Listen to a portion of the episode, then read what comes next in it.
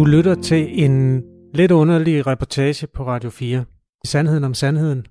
Jeg hedder Kasper Harbo. Det er fordi, når vi, når vi får at vide, at der er 900 indlagt på hospitalet, som har en positiv test for corona, så har, vi ikke, så har vi ikke noget at sammenligne det med. Vi får bare et tal. Det tal siger ikke rigtig noget om noget som helst. For at, at, de, de siger, at de er indlagt, fordi de har corona. Nej, de er jo ikke indlagt, fordi de har corona. Størsteparten af det er indlagt af andre årsager. Det kan vi vende tilbage til.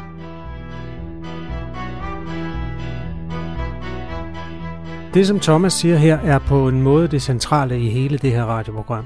Og det er ikke fordi, det nødvendigvis er rigtigt. Det ved jeg ikke endnu, om det er. Men fordi han siger det. Thomas er en omvandrende tendens. Han mener, at politikere og læger og sundhedsmyndigheder slet ikke har forstået deres egen videnskab.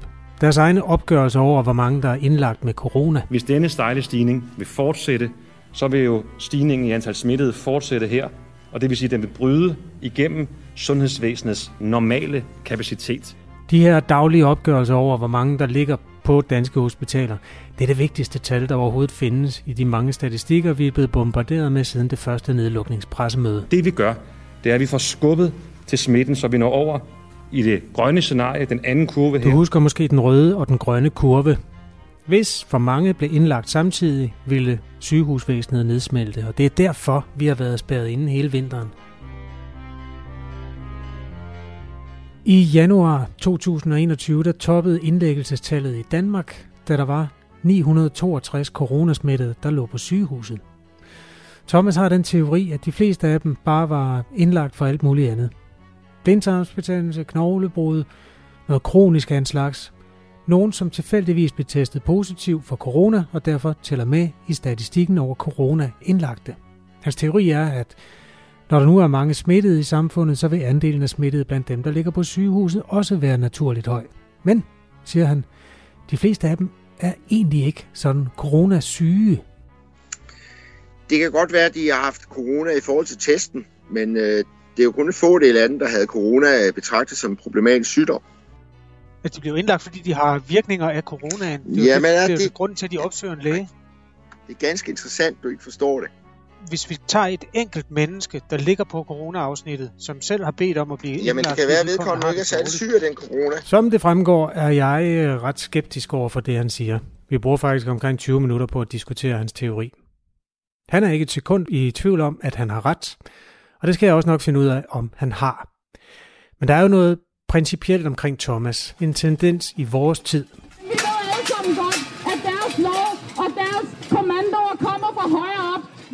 Det her det er en del af The Great Reset. Hvis I ved det, så laver jeg noget larm lige nu. Der er mange helt almindelige mennesker lige nu, der mener, at de ved mere om sundhedsvidenskab og corona end myndigheder og forskere og politikere i Danmark.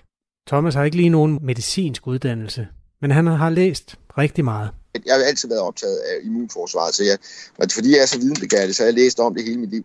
Men, men, øh, men det er sådan en etableret, syg, altså etableret uddannelse i det har du jo ikke? Nej, nej, det har jeg ikke.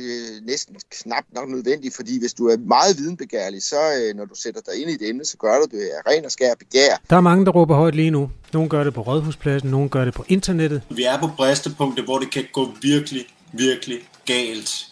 Nogle gør opmærksom på, at de ikke giver en skid for myndighedernes videnskabelige data omkring corona. Dem, vi altid hører i medierne, det er helt horribelt, at de sidder og øh, konstant og maler fanden på væggen med mm. statistikker, som er rigtig dårligt udført, og ovenikøbet med fremskrivninger, som udelukkende baserer sig på tynd, tynd, tynd begrundelig matematik. Covid-19 er stadig en ny sygdom. Den hårde af videnskabsfolk, der plejer at kunne give os nogle gennemtestede fakta, har ikke fakta endnu. Og videnskaben har taget fejl, også mere end en gang, de sidste små halvandet år. Det er sådan lidt som et nyt kontinent, der er skudt op et sted på jordkloden. Og så kommer alle verdens befolkninger løbende og siger, det er vores, vi ved besked, her bestemmer vi. Der er nogen, der tror, at corona bliver lavet af videnskabsfolk eller politikere eller nogen andre mørkets fyrster, der vil os det ondt. Nogen tror, at virus slet ikke eksisterer. Nogen tror, at virus eksisterer, men ikke er farlig. Og så er der jo altså vaccinerne, Bill Gates, The Great Reset, muligheden for at udrydde verdens befolkning. Der er alt for mange danskere, som ikke får sandheden af videre pressen. Men det er vi ved at gøre noget ved. Fordi vi vil ikke finde os i, at pressen tilbageholder informationer fra vores medborgere. Selv klare Der var en periode under 2. verdenskrig, under besættelsen, hvor der ikke var noget politi i Danmark. Og der udviklede sig en eller anden form for lovløshed til sidst. Gudskelov kom befrielsen et år efter, men øh, det var en periode, hvor alt kunne lade sig gøre. Personligt kan jeg bedst lide, når videnskaben har styr på tingene. Og jeg kan bedst lide, når det er videnskaben, der leverer data, og ikke alle mulige andre. På den her måde er den her sådan lidt videnskabspolitiløse tid en øh, Danmarks historisk lomme, som jeg har lyst til at dykke ned i, og der er mange ligesom mig, der synes, det er en underlig tid. i dag, uanset næsten øh, hvad fanden det drejer sig om, man vil altid kunne samle lynhurtigt 500, 600, 1000, der bare er med og gerne vil deltage. Den her tur ned i tvivlen og jagt på sandheden, den øh, skal jeg ud på sammen med folketingsmanden Søren Espersen og forskeren, astrofysikeren Anja C. Andersen. Hvis der er rigtig mange borgere, som stiller et spørgsmål, som man faktisk ikke lige har undersøgt og ikke kan svare på, så skal man faktisk også være ærlig og sige, det er faktisk et super godt spørgsmål. Jeg løber lige tilbage i mit laboratorium, og vi ses om tre uger eller et eller andet. Ikke? Fælles for de medvirkende er, at de har været vant til at sidde tungt på en del af informationsstrømmen. Det gælder for så vidt også præst Morten Skovsted. Det usædvanlige lige nu er, at vi står midt i det, og midt i det mener rigtig mange mennesker at, at kunne gennemskue, hvad der foregår. Altså det vil på sin vis jo være klædeligt at, at klappe hesten og vente fem år, og så er vi klogere om fem år, men det holder jo heller ikke, det er jeg godt klar over. Ja, nu ved du, hvad du går ind til.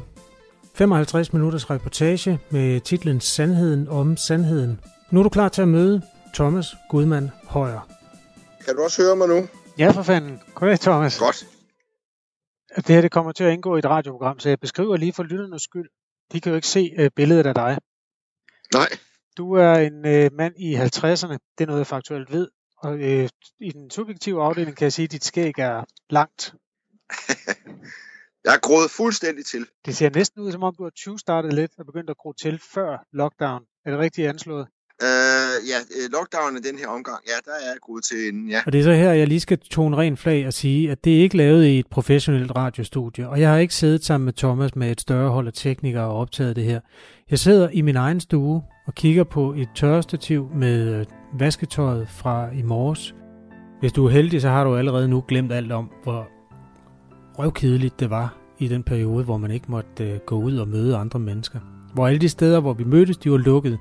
Men det var jo det sådan helt mærkbare aftryk, coronaen satte, både i foråret 2020 og hen over julen og foråret 2021.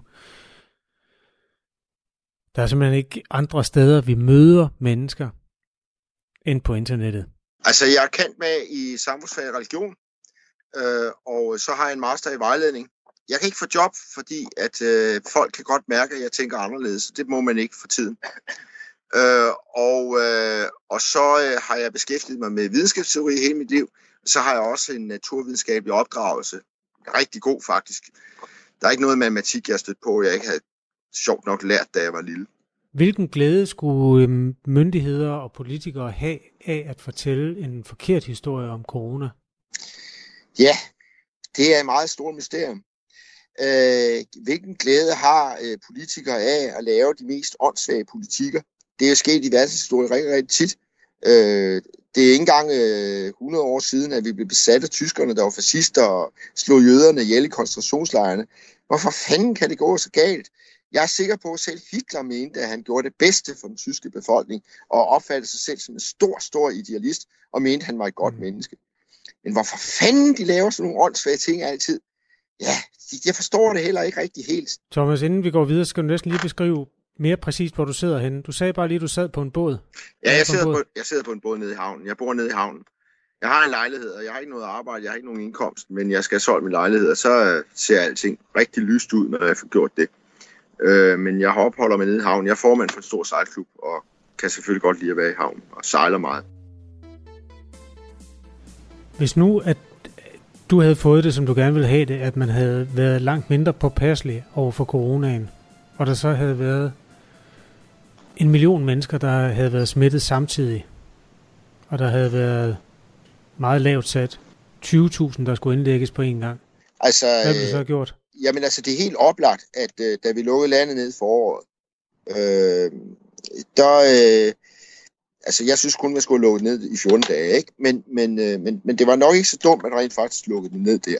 Fordi man vidste ikke rigtigt, hvad man havde med at gøre, og tingene udviklede sig ret uheldigt, og det, man kunne godt have været i den situation, at vi havde haft et hospitalsvæsen, der meget lidt kunne være blevet mere presset end for eksempel en influenzaepidemi, som det har været presset af før osv.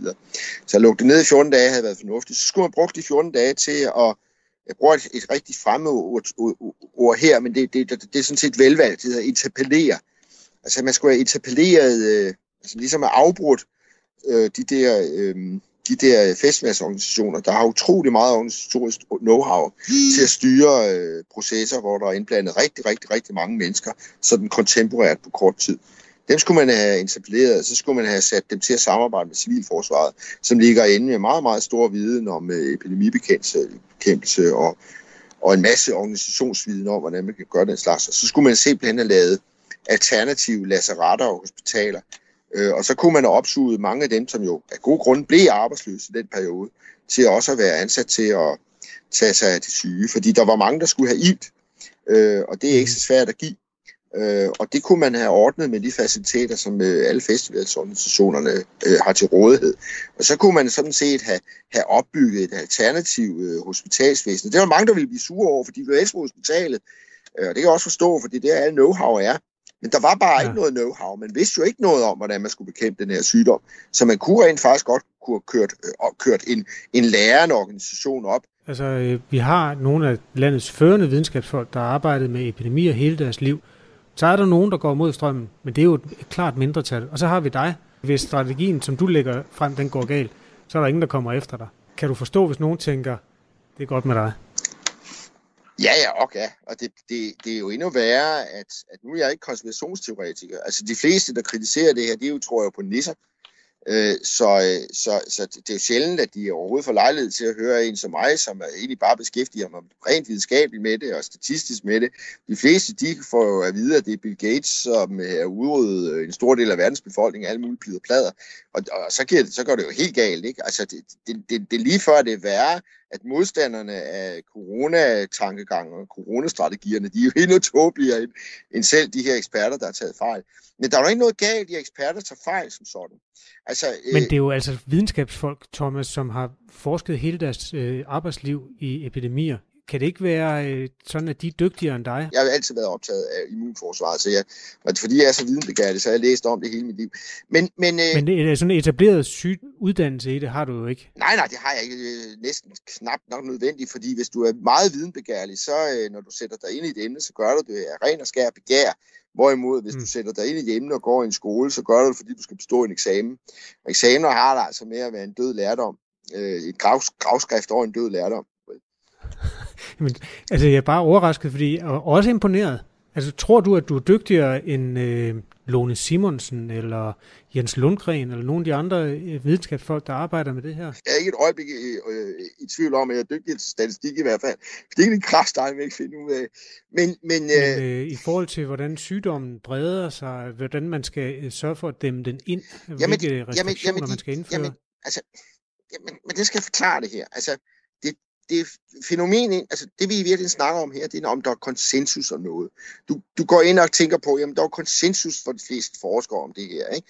Men konsensus du er ikke som kriterie i naturvidenskab. og har aldrig gjort det. Eneste gang, der sker en landvinding i naturvidenskaben, så sker den landvinding på nogle helt bestemte præmisser. De der næsten altid taler om, at vi er ved at udskifte et paradigme. Og det er rigtig svært. Øh, og det, det handler om, at de der folk, der virkelig finder på noget nyt, de tilhører under en promille af dem, der beskæftiger sig med det. Og så skal de slås med hele resten. Og nogle gange lykkes det så at overbevise hele resten. Men du kan jo tænke på, at der er masser af gange, hvor der er sådan under en promille, der har fundet ud af noget nyt, der i virkeligheden er fantastisk, så vi bare aldrig har hørt om, for det lykkes ikke at overbevise resten. Som regel jeg er det tror sådan, også, jeg kan finde en masse få, eksempler på det modsatte, Thomas. Øh, det, det, det, der, det, du bruger som bevisførelse nu, det er altså, hvis der er under en promille, der mener noget, så er, så er de sådan historisk set øh, klogere end flertallet. Nej, sådan kan man ikke slutte Fordi det har, har fundet sted? Nej, nej, sådan Før. kan man ikke slutte det. Man kan bare slutte, når man kigger på naturvidenskabelig videns, øh, videnskabshistorie, så er det som regel sådan, at det er helt, helt ufatteligt få, der finder det nye. Og de skal slås indad øh, med alle de gamle, der har taget fejl, øh, for at, øh, at det overhovedet bliver bragt til tår, så man kan næsten regne ud, der er mange gange, det ikke er blevet det. Øh, og øh, rigtig ofte i videnskabshistorien, så sker det sådan, at dem, der så har opdaget det nye, øh, de bliver først anerkendt længe efter de døde og lever i kummerlig tilværelse, fordi de er i kampen med alle de andre om at overbevise dem om, at de er taget fejl, der er de gået til grunden. Ikke? Øh, havde jeg nær tror du, kan du høre det sådan selv? Her har vi en mand, øh, som, er, som sidder på en båd. Du har ikke et øh, laboratorium ved dig. Du har din øh, gode forstand, og du har dit øh, hvide papir, som du kan lave udregninger på. Og så Men har jeg en masse du kan- oplysninger på internettet, som jeg har adgang til. Altså, jeg bruger Ja, meget jamen, tid klart, på, men altså og jeg kan at- at du kan sidde- de samme Undskyld, Thomas, jeg skal lige stille spørgsmålet. andre, ikke? To sekunder. Og du kan sidde øh, i den position og føle, at du er bedre øh, rustet til at lave videnskab end øh, de fineste forskere inden for øh, det danske hospital. Jeg er i hvert fald bedre rustet til at lave statistik. Det er fordi, når vi, når vi får at vide, at der er 900 indlagt på hospitalet, som har en positiv test for corona, så har, vi ikke, så har vi ikke noget at sammenligne det med. Vi får bare et tal. Det tal siger ikke rigtig noget om noget som helst. For at, at, De, at de siger, finde- de er indlagt, fordi de har corona. Nej, de er jo ikke indlagt, fordi de har corona. Størsteparten af det er indlagt af andre årsager.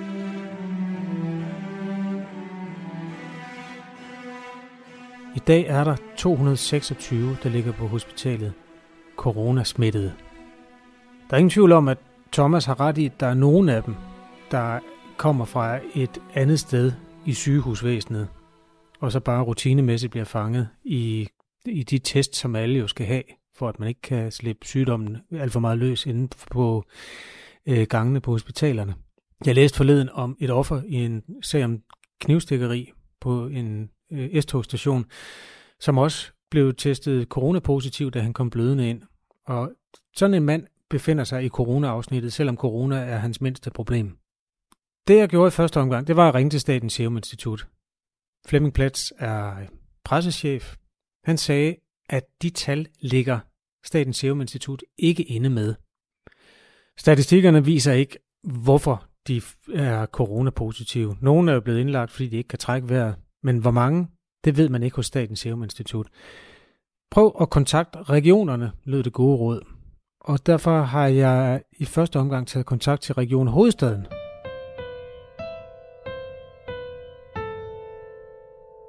Jeg kan jo jeg kan lige så godt her introducere min psykolog. for at leve vores liv bedst muligt, så har vi brug for en masse sandheder. Vi har brug for at vide, altså vi har brug for ikke at tage stilling og sætte spørgsmålstegn ved en masse ting. Det, der gør det svært, det er, at nogen siger, at corona er en virus. Der findes mennesker, der synes, at det er en opfindelse, nogen har lavet. Bare indtil man ved, om det er en flagermus, eller en kylling, eller et bæltedyr. eller det sidste nye, det var et øh, marked i Thailand, hvor de solgte flodsvin. Det er jo også et skræmmende dyr i den fabel, ikke? Indtil da, så ved jeg simpelthen ikke, hvad... Altså, så, så ved man jo ikke, hvor det startede, så ved man ikke, der har man ikke noget videnskab, og så kan diskussionen løbe i alle retninger. det er sgu da utrygt. Mm. Og måske er det derfor, at folk jager sandheden. Mm. Men det er det, jeg mener. Men vi løber jo i hver sin retning. Jeg kan lige præsentere dig. Marie Brikstofte, psykolog og forfatter til flere bøger om i virkeligheden, hvordan man heler sig selv, når livet har øhm, skamferet en på forskellige måder. Er det en færre måde at koge det ned på, Marie? Ja, det, det synes jeg. Jamen, øh, nu må du selv, om du svarer som psykolog eller som filosof. Findes der en sandhed? Det sjove faktisk, Kasper, det er, at da du spurgte mig, om jeg ville være med og snakke om sandheden og jagten på mm. sandheden, så kunne jeg mærke, at jeg følte, at jeg skulle sige sandheden. At nu skulle jeg komme med sandheden, om sandheden. Og det er på en måde lidt en fælde, vi falder i. Hvorfor? Fordi at øhm, jeg tror på, at der findes mange sandheder. Altså selvfølgelig er der nogle ting, der er endegyldigt sandt. For eksempel jorden er rundt. Men de fleste ting er i virkeligheden perspektiver.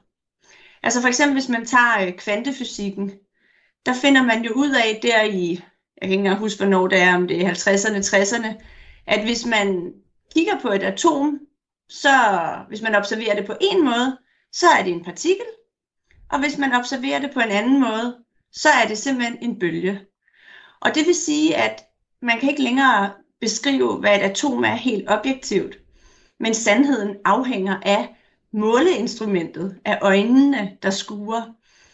Og det er ret svært for mennesket at forstå. Og i vores sådan dagligdag, der, øhm, der, er det, der er det for mindblowing på en eller anden måde. Der har vi brug for at vide, at en kop er en kop, og den smelter ikke, hvis jeg hælder varm kaffe ned i den. Og når jeg trykker på kaffemaskinen, så kommer der kaffe ud, og ikke, ikke alt muligt forskelligt hver gang og sådan noget. Mm. Så for at kunne leve liv, så har vi brug for nogle sandheder.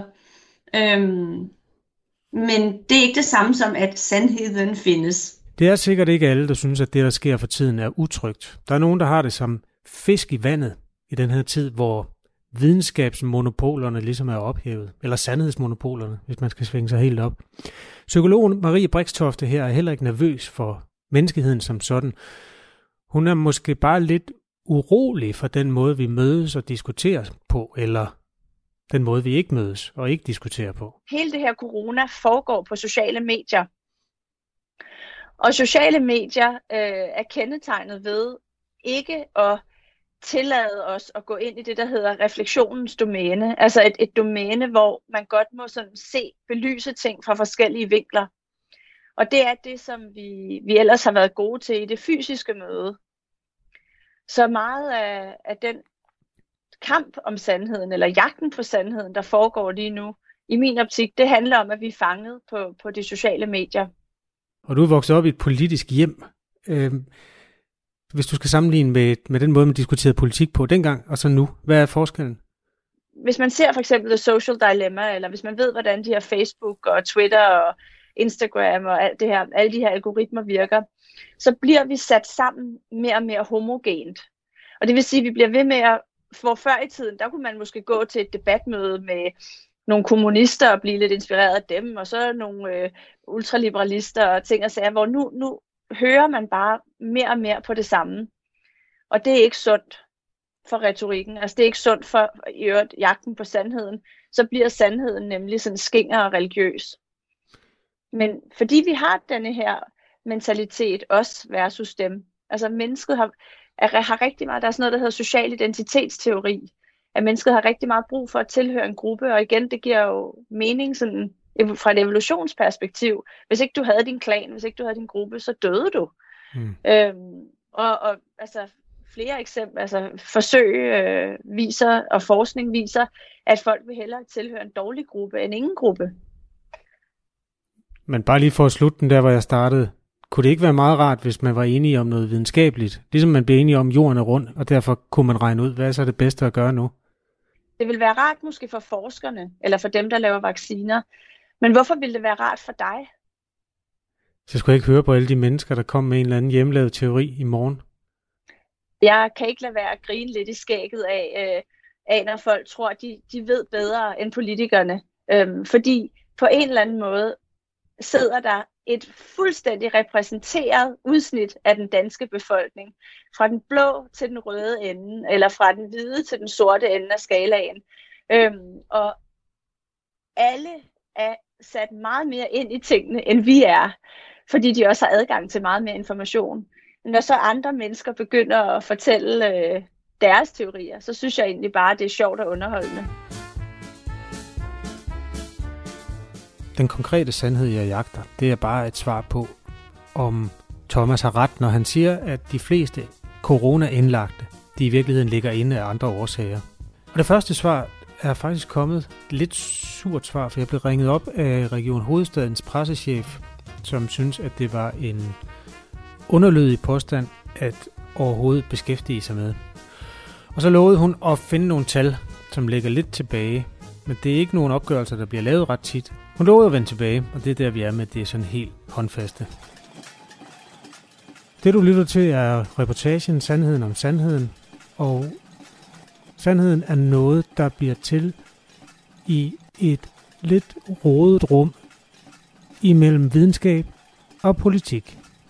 Jeg har sgu haft sygdommen her i december i 10 dage. Nå, om du lever endnu? Ja, det vil jeg sgu snart ikke mere gøre, men øh, jeg kan da stadigvæk komme op om morgenen med besvær. Har du senfølger? Nej, overhovedet ikke. Jeg, jeg, har, det, jeg har det godt. Min kone har, har masser af dem, øh, masser af senfølger med både lugtesans og smagssans og muskelsmerter og sådan noget, men altså, det er også for aftalen. Det er det. Jeg kunne have ringet til en politiker for regeringen, men regeringen har ikke bestilt andet end at øh, forsvare sig mod dit og dat i coronadiskussionerne. Derfor har jeg vendt mig mod en politiker fra oppositionen. Han er vant til at have en form for sandhedsmonopol. Det vil jeg godt våge at påstå, selvom han aldrig har været i regering. Han hedder Søren Espersen, har i mange år været pressechef ved Dansk Folkeparti, uddannet journalist, men har siddet i Folketinget siden 2005. Sandheden, den, den tror jeg, man skal være meget varsom med. Jeg tror faktisk, det var Gandhi, der, der sagde det. Han sagde, at øh, man følg, de, følg ham, som søger sandheden.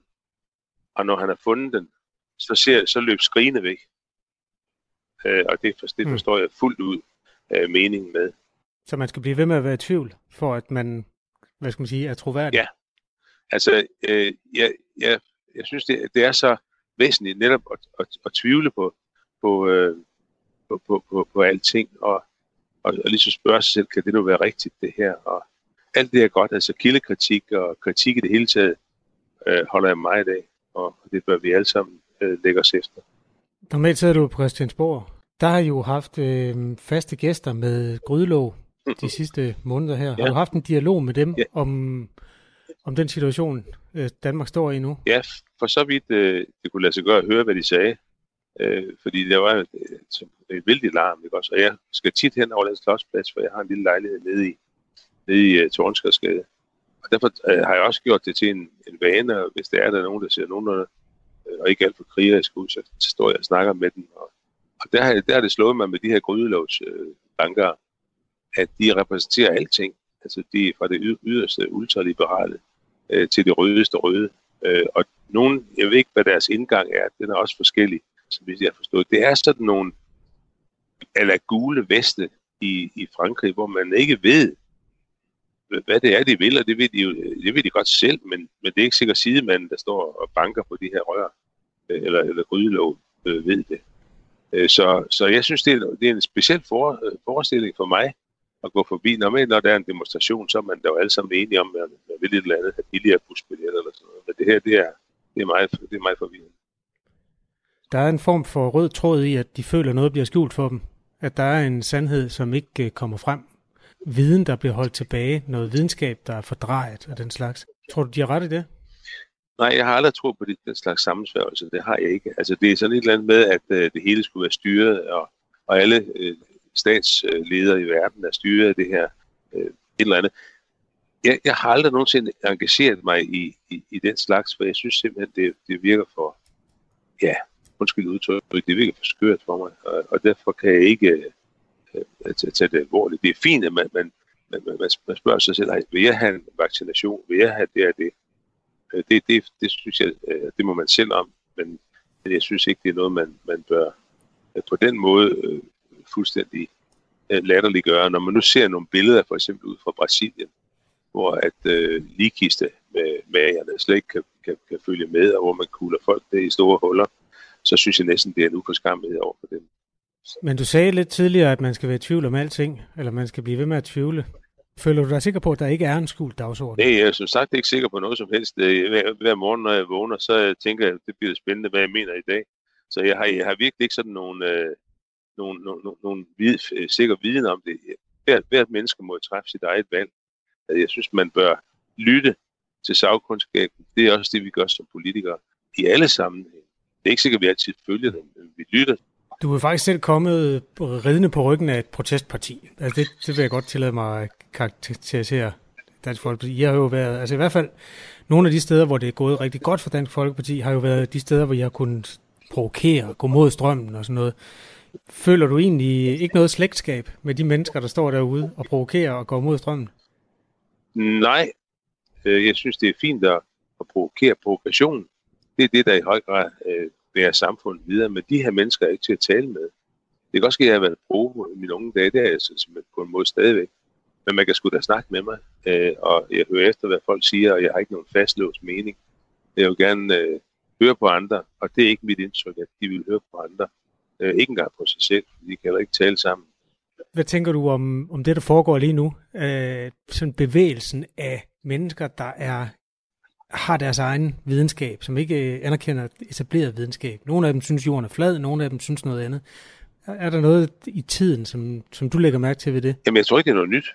Altså, jeg, jeg, altså, jeg, jeg, jeg har jo læst historie og har læst om, og også oplevet selv, øh, hvordan månelandingen bliver der stillet spørgsmål ved og den jødiske verdenssammensværgelse, Sions viseprotokoller, hvor jøderne skulle, skulle de, de sidder på alle banker og alle øh, i det hele taget. 1914, der var jordens undergangsår og så videre. Øhm, alt det har, har jo eksisteret altid.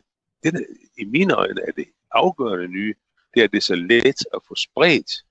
Bare man er nogenlunde færm øh, til computer, så kan man i løbet af ganske kort tid jo indsamle 40-50.000 øh, protesterende over et eller andet, der så sker i Folketinget.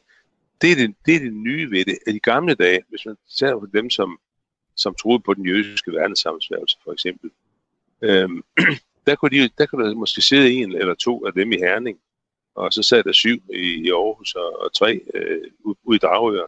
Og det var så dem. De har ikke nogen forbindelse med hinanden, og de kendte ikke hinanden. I dag vil sådan en, en, øh, en forening, uanset næsten øh, hvad fanden det drejer sig om, men vil altid kunne samle lynhurtigt 500, 600, 1000, der bare er med og gerne vil deltage. Og nu er der kommet en mail fra Region Hovedstaden, som efterlyst. Det er de her tal af lidt ældre dato, som skal fortælle om de mennesker, der har været indlagt med covid-19, om det er mennesker, der har haft det som det primære problem, og som har fået behandling for det, fordi de var syge, eller om det er, som Thomas forudsætter, nogle mennesker, der nærmest ingen symptomer har, som bare har ligget øh, i en eller anden anden anledning på hospitalet. Region Hovedstaden skriver, 85 procent var i rundetal indlagt på grund af en covid-diagnose. Og så går det meget i dybden med, at der øh, i den her periode fra marts til oktober har været indlagt 1.871 unikke personer. Øh, af disse har 1.614 også fået en diagnose, så er der nogle koder med, hvilket indikerer, at patienten er i behandling for covid-19, enten primært eller sekundært. På det her tidspunkt var det altså 85 procent af dem, der var med i indlagte statistikken, som var rigtig syge og skulle have behandling. Nogle øh, intensiv behandling, nogle mere mild behandling med ilt og øh, blodprops forebyggende medicin og de forskellige øh, midler, som er brugt til at hæmme covid-19. Øhm, men det er jo et tal af ældre dato, for det er fra første bølge, og derfor bliver jeg nødt til at øhm, sætte Region Hovedstaden på arbejde en gang til. Vi vil gerne have de nyeste tal, fordi første bølge var lidt noget andet. Der var ikke så mange test, og derfor var det mest de rigtig syge, der blev opdaget. Vi håber at få friske tal lidt senere i programmet. På en måde synes jeg jo bare, at det går bedre, end det nogensinde har gjort før, fordi befolkningen som helhed er jo meget mere veluddannet. Ikke? Altså det skal man jo huske på, når man skælder ud på folkeskolen. Ikke? En eller anden øh, stakkels folkeskoleelev, der måske lige med røven i vandskåben får et total og kommer ud af 9. klasse. Ikke? Hvis, man, hvis man kunne sende dem tilbage til Leonardo da Vinci, ikke? så ville den der folkeskoleelev jo være virkelig meget klogere end alle, der levede på det tidspunkt. Anja C. Andersen er astrofysiker ved Niels Bohr Instituttet. Hun har forsket i støv i verdensrummet, men hun ved utrolig meget.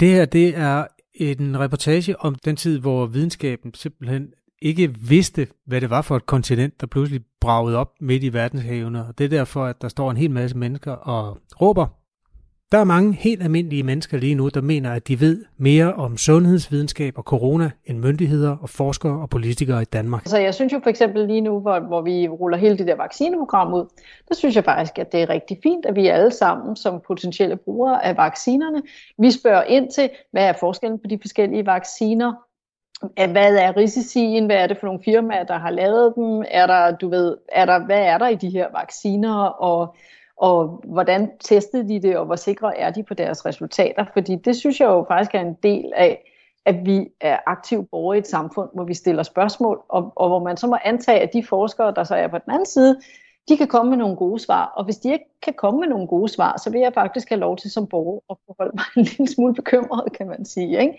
Mm. Øhm, men, men, men, men det skal være en dialog, sådan så hvis jeg så får nogle gode forklaringer, og jeg får svar på alle mine spørgsmål, så skal jeg også være villig til at lade mig overbevise, kan man sige. Så på den måde skal det være en samtale, hvor begge parter er villige til at lytte til hinanden og lade sig overbevise, og forskeren skal også være villig til at lade sig overbevise, så hvis der er rigtig mange borgere, som stiller et spørgsmål, som man faktisk ikke lige har undersøgt og ikke kan svare på, så skal man faktisk også være ærlig og sige, det er faktisk et super godt spørgsmål. Jeg løber lige tilbage i mit laboratorium, og vi ses om tre uger eller et eller andet. Ikke? Og jeg synes faktisk også, at det er super fint, at vi diskuterer det, fordi at sandheden jo er noget, vi søger, og vi ved ikke, hvornår vi har den, kan man sige. Det er jo det, der er mærkeligt med den der sandhed. At specielt i videnskab, så ved vi kun, hvad der er forkert. Vi kan aldrig være helt sikre på, hvad der er rigtigt. Men alt det, vi ikke kan vise, der er forkert, det har potentialet til at have rigtigheden og sandheden i sig. Og så er det jo, vi bliver ved med, altså så stakkels Einstein der for 100 år siden, der udtænkte generel relativitetsteori, ikke? Der har vi jo alle, også forskere i de sidste 100 år, ikke bestilt andet end at prøve at modbevise Einstein. Og hver gang vi ikke får modbevist Einstein, så tænker vi, så, så har han nok ret. Altså fordi det er faktisk den eneste måde, vi kan vise, at han har ret på, det er, at vi ikke kan vise, at han tog fejl. Altså jeg går jo lidt på jagt efter en måde at finde nogle sandheder på, fordi jeg synes, det er, det er utroligt svært. Og det du lige sagde med, at hvis man ikke kan modbevise noget, så er det nok rigtigt. Det er jo i virkeligheden noget af det, som de fineste konspirationsteorier er gjort af. Det behøver ikke være kugleskørt. Nogle gange er det rigtigt. Ofte er det ikke rigtigt. Ja. Men hvis man ikke kan modbevise, øh, at for eksempel virus, øh, coronavirus er kommet fra et laboratorium i Kina, som, hvor nogen har bakset med det med vilje. Hvis man ikke kan modbevise det, går man så ud fra, at det er rigtigt indtil videre, sådan i videnskab? Nej, så, har det jo, så er det jo en mulighed, kan man sige, som man jo ikke bør afvise. Ikke? Og så skal man jo så, så, så, og sådan er det tit i forskning, så man faktisk, vi opererer faktisk med flere sandheder tit. Fordi at der er flere ting, der er mulige. Og så må man sætte sig ned og vurdere, hvad så er det mest sandsynlige. Altså, hvad, hvad, hvad tror vi på er mest sandsynligt? Ikke? Og, og så, så er det jo lidt afhængigt af ens personlighed, om man synes, om det mest sandsynlige er, at kineserne har lavet et eller andet med vilje i et laboratorium, der er sluppet løs, eller er det mest sandsynlige egentlig bare, at det her det er en naturlig motivation, som vi faktisk er super heldige, at det er så længe siden, at vi har haft en mutation, der har lavet en pandemi globalt, fordi alle øh, har talt om, at, at det var en risiko, ikke? Og så er der mange, inklusive mig selv, der har lullet os i søvn med, at ja, men nu er de jo blevet så dygtige lærerne, så det bliver jo aldrig noget stort problem. Det får vi ordnet, ikke? Så det er også kommet bag på mig, at vi har en pandemi. Det skal jeg et ærligt indrømme. Øhm, men, men jeg vil sige, hvis man ikke kan vise, at det ikke er sandt, jamen, så, så har det jo potentiale i sig. Men hvis man så vil, være, hvis man vil vise, at den idé er sand, eller har mm. potentiale, så er det jo ikke nok bare at sige, at jeg tror, det er fra et laboratorium. Altså, så skal man jo også finde ud af, hvor er der et laboratorium. Så skal man kunne på en eller anden måde også sige, hvordan, hvad er det så, de har lavet derinde. Og hvis de nu har stået og lavet noget helt andet, så bliver det jo sådan mindre sandsynligt. Og hvis det er sådan, at øh, de har høj sikkerhed på, hvad de så end har lavet, så bliver det også mindre sandsynligt. Ikke? Mm. Altså, men man, men man kan jo aldrig helt vise, at der ikke er sådan en eller anden, du ved, sidder en eller anden ond regering, der vil et eller andet som konspirations... Altså, der er jo sådan meget i mit eget felt, der er jo sådan en helt konspirationsteori omkring månelandingerne, hvor der er jo mange, som, ja. der mener helt sikkert, at vi har aldrig nogensinde været på månen, ikke? Er der mange i dit felt også, altså inden for ikke, altså, ikke fagfolk? Øh, jeg har aldrig mødt en forsker, der troede, vi ikke havde været på månen. Men, øh, men jeg har mødt Nu forsker jo ikke en beskyttet titel, skal man huske. Der er jo Nej, nej, hvem som helst kan være forsker eller astrofysiker. Mm. Jeg tror også, hvem som helst kan kalde sig professor i virkeligheden. Det tror jeg heller ikke er beskyttet altså professor Tornesol. Og, ja. ja. Øhm, okay. Hvad hedder det? Så, så, og der, der må man jo sige, at, at dem, som så mener, om vi har ikke været på månen, og hvis man så begynder sådan lidt at udforske den der konspirationsteori, om vi ikke har været der, så, så kom, ender man i sådan et scenarie, der hedder, der er cirka 1000 mennesker i USA, der har skulle holde på en hemmelighed i fællesskab. Ikke? Mm. Og allerede der, der tænker jeg, det, det er simpelthen ikke muligt. Altså fordi min erfaring med mennesker, og sådan som man kender mennesker, det er, du skal være heldig, hvis mindre end fem mennesker kan holde en hemmelighed i fællesskab. Tusind mennesker kan ikke holde en hemmelighed i fællesskab. Slet ikke sådan en gammel hemmelighed, som kunne give dig 15 minutes of fame ud på YouTube, hvis du var den på dit dødsleje, der fortalte, at det faktisk bare var, var altså, og du kunne komme med nogle beviser. Ikke? Så, så, så jeg tænker, mm. at der er simpelthen ingen grund til at tro på den konspirationsteori. Har du aldrig været så forelsket i en idé, at du gjorde det på den måde, at du jagtede, du jagtede et resultat, der underbyggede, at, at øh, den idé den havde gang på jord, så at sige? Nej, altså man kan jo sige, at vi blev meget opdraget som forskere til, at vi skulle give slip på vores gode idéer, men, ja, men, men, men det er super svært. Altså, så den artikel, jeg har skrevet, som jeg faktisk er mest stolt af, hvis du bad mig om at vise, hvilken artikel er du mest glad for, Mm. Det er faktisk en artikel, hvor den, den grundidé, den er forkert. Den har vist sig, den passer ikke med observationer. Men ideen om, hvordan en bestemt type stjerner laver noget bestemt støv, er så skøn, og så smuk, og så perfekt. Så jeg synes stadigvæk, at det er min bedste artikel. Også selvom, at, øh, at stjernerne gjorde det bare ikke på den smukke, fede, skønne måde, som jeg synes, de skulle gøre det på. De, de gjorde det på en anden måde, som vi så ikke helt har fundet ud af endnu. Nå, nu er der så kommet mail fra Sundhedsstyrelsen. Jeg skød også øh, mit spørgsmål afsted til Sundhedsstyrelsen, som jo også får data fra regionerne og sender nogle af dem videre til Statens Serum Institut. Sundhedsstyrelsen er vel bedst kendt som det sted, hvor Søren Brostrøm er direktør. Det er den øverste sundhedsfaglige myndighed i Danmark. Mit store spørgsmål til Sundhedsstyrelsen var jo, hvor mange er indlagt på grund af selve coronaen, og hvor mange er bare coronatestet positiv, og så øh, indlagt alligevel. Og her kommer svaret fra Sundhedsstyrelsen. Jeg læser op. Rammen for datamæssig overvågning af sygehusaktiviteten i forbindelse med covid-19 er etableret i et samarbejde mellem Sundhedsdatastyrelsen, Statens Serum Institut, Sundhedsstyrelsen og de fem regioner. Det, det er virkelig Adam og Eva, vi starter ved her. Den løbende daglige overvågning af sygehuskapaciteten baseres på automatiserede registertræk, der tager udgangspunkt i opgørelser af indlagte patienter med samtidig positiv PCR-test for SARS-CoV-2. Det vil sige, at hovedparten af patienterne vil være indlagt, fordi de er syge af covid-19, men et mindre antal kan være indlagt af andre årsager, f.eks. at brække ben og så samtidig testes positiv for covid-19 ved den screening, der sker ved indlæggelse. Men det er jo det, jeg har sagt, eller Thomas har sagt hele tiden, at der er nogen, der er syge af den ene grund, og nogen er syge af den anden. Sundhedsstyrelsen svarer, det vil sige, at hovedparten af patienterne vil være indlagt, fordi de er syge af covid-19. Hvor, hvor ved de det fra? Det står der simpelthen ikke nogen steder. Sagt på en anden måde, Sundhedsstyrelsen har ikke de tal, jeg skal bruge, men tager sig alligevel den frihed at konkludere, at Thomas tager fejl.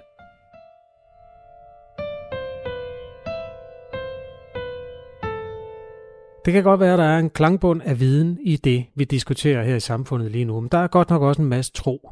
Og det interessante er jo, om vores diskussioner om corona har noget religiøst i sig. Altså vi, vi, vi bliver konfronteret med i den her situation, det her moderne menneskes insisteren på, at ting skal kunne forstås og løses nu og her.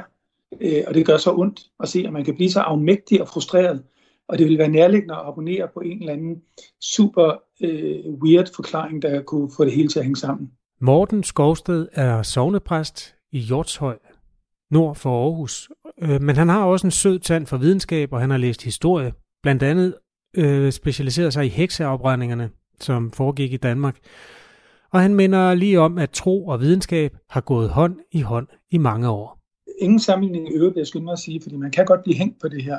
Men, men, men man kan jo minde om, at al videnskab i, på hekseprocessernes tid understøttede jo øh, hekseprocesserne, så at sige. Og al racevidenskab og racehygiejniske studier understregede øh, øh, jødeforfølgelserne i Tyskland. Der, der er meget, altså igen, ingen sammenligning i øvrigt, men, men det er jo klart, hele videnskabens fundament er, at man bygger sten på sten på sten, og at man hele tiden bliver klogere. Og hver eneste gang, man bliver klogere på noget, så afslører man jo sådan set forskningens dårskab. Altså, jeg mener, øh, dem, der troede, man kunne ryge uden at dø af det, dem, der troede, at hvis man bare man tog solbriller på, når man så en atomprøvesprængning i Stillehavet, så, så var man well off. De tog fejl. Så, og det, det er videnskabens præmis, at man bygger videre, og at alt, hvad man siger, er falsificerbart, og det kan efterprøves, og hvis man efterprøver det, at det ikke holder, jamen, så er det falsk, og så må man opbygge en ny tese. Tror du, man kan hente styrke i, hvis man kan samles om en forklaring? Altså nu, nu tager jeg så for givet, at der ikke findes en forklaring. Det kan jo godt være, at nogle af dem, der samles om forklaringer, de faktisk har ret. Men tror du, det er i sig selv? Altså, nu spørger jeg også dig, fordi du øh, står faktisk i spidsen for et trossamfund øh, hver eneste søndag og prædiker på en kristen prædikestol. Altså, at den styrke, som man kan finde i at tro på noget sammen, tror du, den gør sig gældende også i corona? Jamen, det gør den da så afgjort. Altså, det er jo altid det, altså, det, det, det gælder, det gælder de, de langt, altså langt ude konspirationsteorier, som QAnon i USA. Øh, at, at de millioner, der tror på det, de har jo fået et fællesskab. Der er flat earthers i USA, som insisterer på, at jorden er flad, og som har fundet sådan nye semi-religiøse fællesskaber omkring den sandhed. Ja, nu skal du ikke komme på godt i gang. Har du, har du læst Bibelen? Nej, nej, ved, du, ved du, hvad der står i Bibelen? Jamen, lad, ja, jo, jeg har en idé om det, og, og øh, der, det, altså den, den, den astrologiske og astronomiske indsigt var jo ikke øh, altså, udpræget for et par tusind år siden. Og, og lad os bare få, få peget pilen den vej, fordi du har fuldstændig ret i, at jeg jo også selv er, øh, er en del af, af, af et eller andet sandhedssystem, så at sige. Eller et system, en, en, en religion, en kristendom, som i hvert fald i, i et par tusind år jo har, har haft et sandhedsmonopol, og har levet af et sandhedsmonopol, og har dyrket et sandhedsmonopol. Og det har haft mange grimme ansigter, fra korstog til deltagelse i hekseafbrændinger og meget andet. Øhm, når, når jeg kan sove om natten nu, så er det fordi, jeg godt kan leve med, med dobbeltsidigheden. Altså at, som du sagde indledningsvis, at jeg både er et logisk, matematisk, videnskabeligt tænkende menneske og et troende menneske.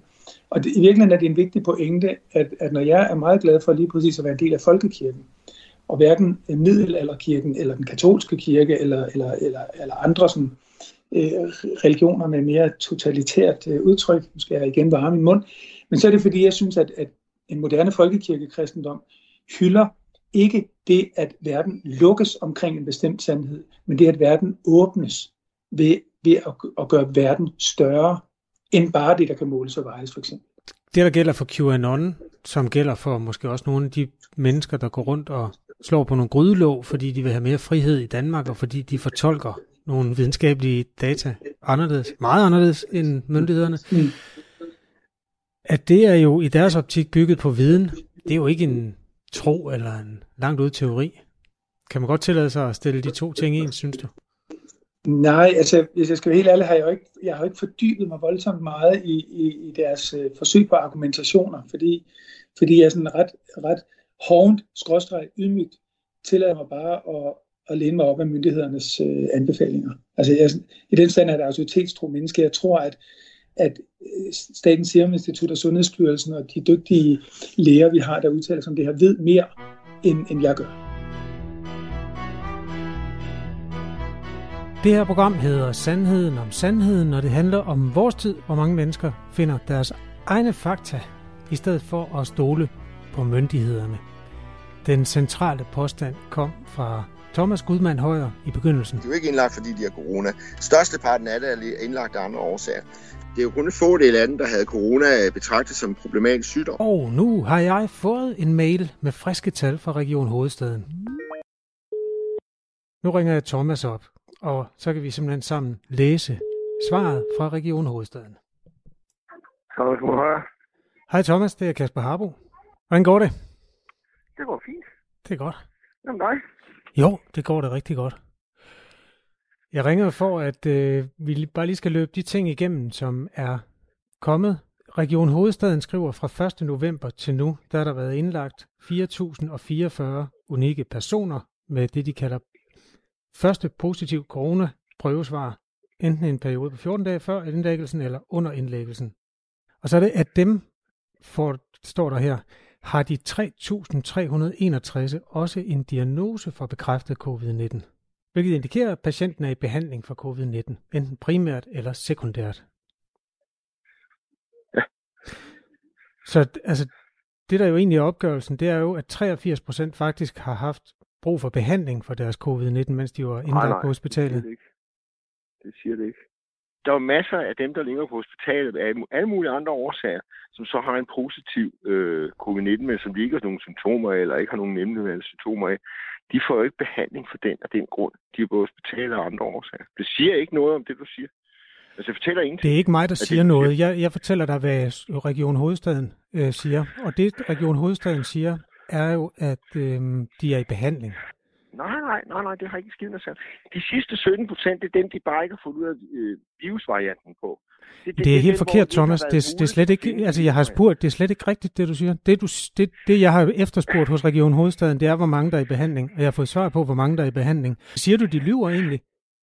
Nej, men det ligger bare ikke implicit i det, der står. Fordi hvis du kigger grundigt over, hvad der står, så kan du se, at der, at der ud fra disse, disse 100 procent, som alle sammen har en positiv test, enten da de kom ind, eller de har haft 14 dage før, så kender de, så kender de viruskoden for de 83 procent, og så nævner de nogle af de viruskoder, de har.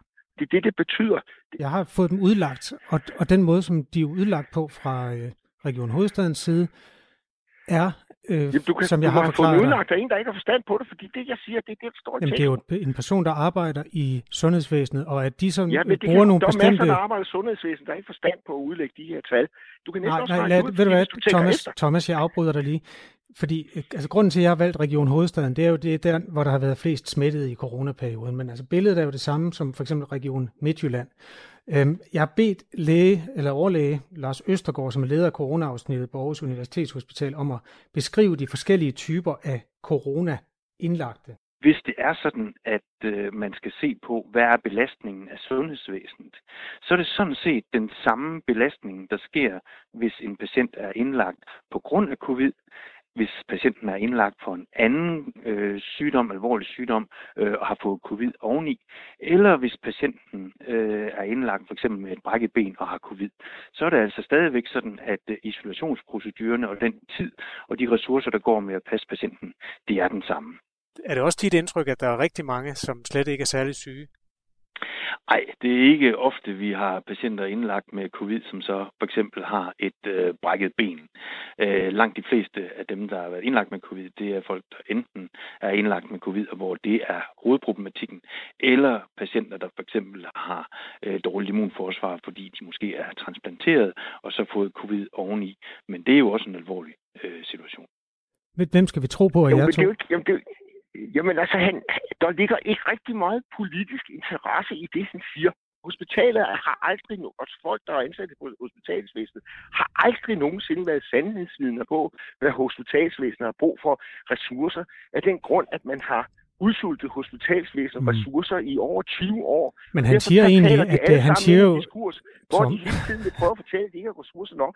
Det, øh, han siger, overlæge Lars Østergaard, det er, de lægger fuldstændig lige meget beslag på øh, personale på hospitalet, uanset om de har et alvorligt ja, eller et, et ikke alvorligt forløb. Ja, jamen, det er fuldstændig rigtigt. Alle, der er indlagt på hospitalet i dag, lægger på grund af covid-19 stort set det samme voldsomme beslag på hospitalsvæsenet. Hvad er det så for en politisk interesse, han skulle have i at pumpe de tal op? Jamen, han skal underbygge det, det narrativ, der er. Altså, det er hans Hvorfor skal han det? opgave. Hans Han opgave er at redde menneskeliv. Nej, hans opgave er at svare på, hvad han bliver spurgt om, Nej, men man redder ikke menneskeliv på den her menneskeliv. måde, man gør i dag. Der er alt for mange, der dør på grund af det her. Så det, det gør man ikke. Det, det, det, er, en- det er en uproportionel behandling af en sygdom, som ikke er særlig farlig. Thomas, du vil læser gerne det, diskutere står- strategi og politik, men det kan man først, når man kender det grundlag, man diskuterer ud fra. Er du glad det for, at jeg har fundet tallene her til dig, sådan at du kender dem? Ja, men de, kan, de fortæller ikke andet end det, som jeg siger til dig.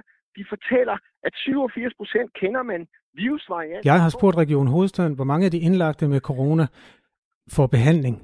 Du har ikke fået Af disse har 3.361 fået en diagnose, hvilket også indikerer, at patienten er i behandling. Behandling, er- hvad er det ved det ord, du ikke forstår? at det indikerer, eleven be- at, at, at patienten får behandling, ja. De får højst sandsynligt ikke medicin for det. Det er sådan, man, den medicin, man bruger lige i øjeblikket, som man er ret sikker på at bruge lige i øjeblikket, det er, øh, det er, øh, øh, det er den der øh, øh, øh, hormon der, hvad fanden er det nu, det hedder? Øh,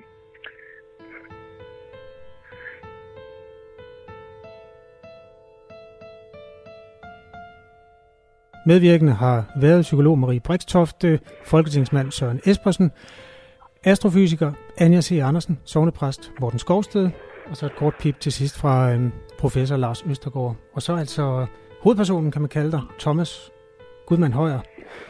Det her program, det handler i virkeligheden om, at der er rigtig mange mennesker i vores tid, der laver deres egen data, i stedet for at stole på ja, det gør jeg myndighedernes. ikke. Jeg analyserer de data, der er. Tak fordi du vil være med i programmet. Ja, selv tak. Der kommer en lille smule ekstra rulletekster her. For efter samtalen med Thomas ringede jeg til et Hvidovre Hospital og Aarhus Universitetshospital for at kunne lave en lille faktaboks med covid-19-behandlingen på danske sygehuse. De fleste er indlagte for ilt og blodfortyndende medicin, der forebygger blodpropper. Nogle bliver behandlet med virusbekæmpelsesmidlet Remdesivir, og så er der nogen, der får et binyrebarkhormon, der hedder dexamethason. Sidste løsning er respirator. Det er de allermest syge, der kommer dertil. Du kan blandt andet se mere på Hvidovre Hospitals hjemmeside hvis du vil orientere dig i behandlingsformerne for covid-19. Tak fordi du har hørt med i den her reportage. Jeg hedder Kasper Harbo, og hvis du har input til mig eller til Radio 4, så skriv en mail til kha radio4.dk. For fuldstændighedens skyld bringer jeg her i fuld længde den mail fra Region Hovedstaden, som var udgangspunkt for den sidste samtale med Thomas Gudmann Højer. Mailen var også videresendt til Thomas 15 timer før interviewet, så han kendte altså teksten, før han blev interviewet af mig. Jeg citerer her.